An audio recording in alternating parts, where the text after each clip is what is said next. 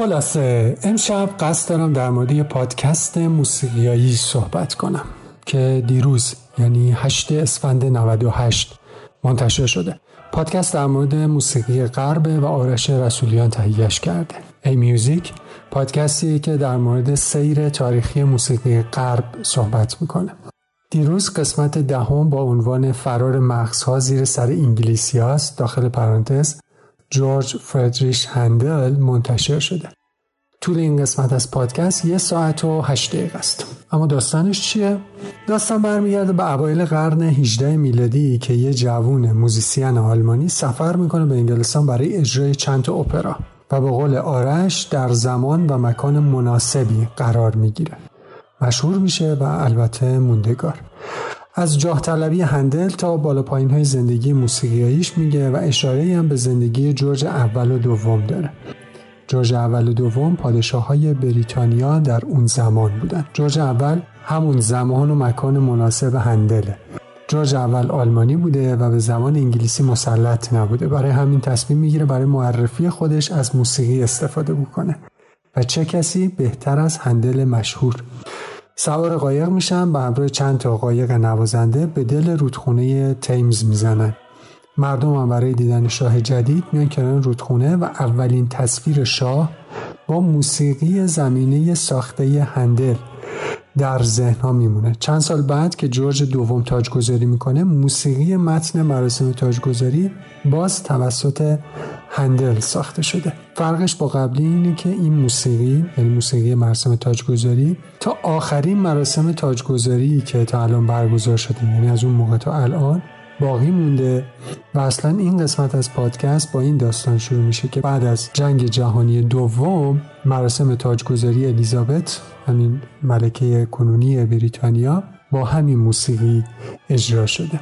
بخش جالب این پادکست برای من روزنامه‌ای بودی که از هندل انتقاد می‌کردم. وسط پادکست با خودم گفتم اوایل قرن 18 توی انگلیس روزنامه بوده. پادشاه ایرانی هم اصر همین جورج اول دوم نادرشاه افشاره. و واقعیتش وقتی به این موضوع فکر می‌کنم یکم کرکوپرم میریزه. البته باید بیشتر در موردش بخونم. می‌دونم که حالا وقتی در مورد روزنامه و روزنامه نگاری صحبت می‌کنیم توی اون زمان ممکنه که خیلی با الان فرق داشته باشه. ولی در کل موضوعش برام جالب بود. هندل آخر عمرش نابینا میشه یعنی اول کمبینا و بعدش کاملا نابینا میشه. گوشه یکی از برگاهی نوتش نوشته چقدر تاریک است خدایا. مشیتی که برای من انتخاب کرده تازه این هندل خیلی آدم پولداری بوده یعنی مشهور شده بوده در زمان زندگی خودش. یکم که حالا چشمش کم بینا می شده اذیت شده بوده این رو پای نوت برگه نوتش نوشته. من اگه جای آرش بودم از این جمله برای تیتر استفاده می کردم. به چه خاطر؟ یکی به این خاطر که هندل و سبکش یه جورای سبک فاخر زمان خودشون محسوب می شدن. و سعی می کرده از داستانهای اساتیری توی اپراش استفاده بکنه و این تو تضاد با یکی از همکارای سابقش بوده. و یه جورهایی همون انتقادایی که گفتم توی روزنامه بهش وارد می شده و همین اپرا و سبک اپراییش بوده. دوم اینکه این عبارت شاید فضای تاریک جامعه اون موقع رو بیشتر در خودش نمایش بده. و در نهایت این عبارت شاید بیان حال ما هم باشه.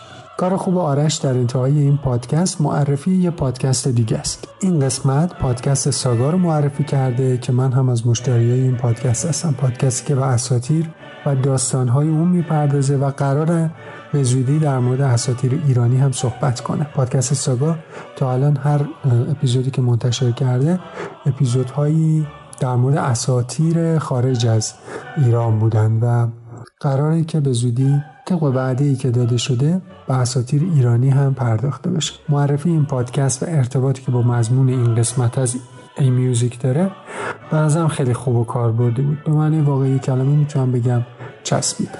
موسیقی زمینی این قسمت هم ساخته هندله. همین چیزی که الان دارید تو پس زمینه صدای من میشنوید. اسم این قطعه خدا پادشاه رو حفظ کنه هست و اولین باره که من از موسیقی متن برای خلاصه دارم استفاده می‌کنم. الان دارم لبخند می‌زنم. پادکست خوب گوش کنید و اون رو به دیگران هم معرفی کنید. گوشتون پر از پادکست ها و خبرهای خوب باشه. شب و روزتون بخیر.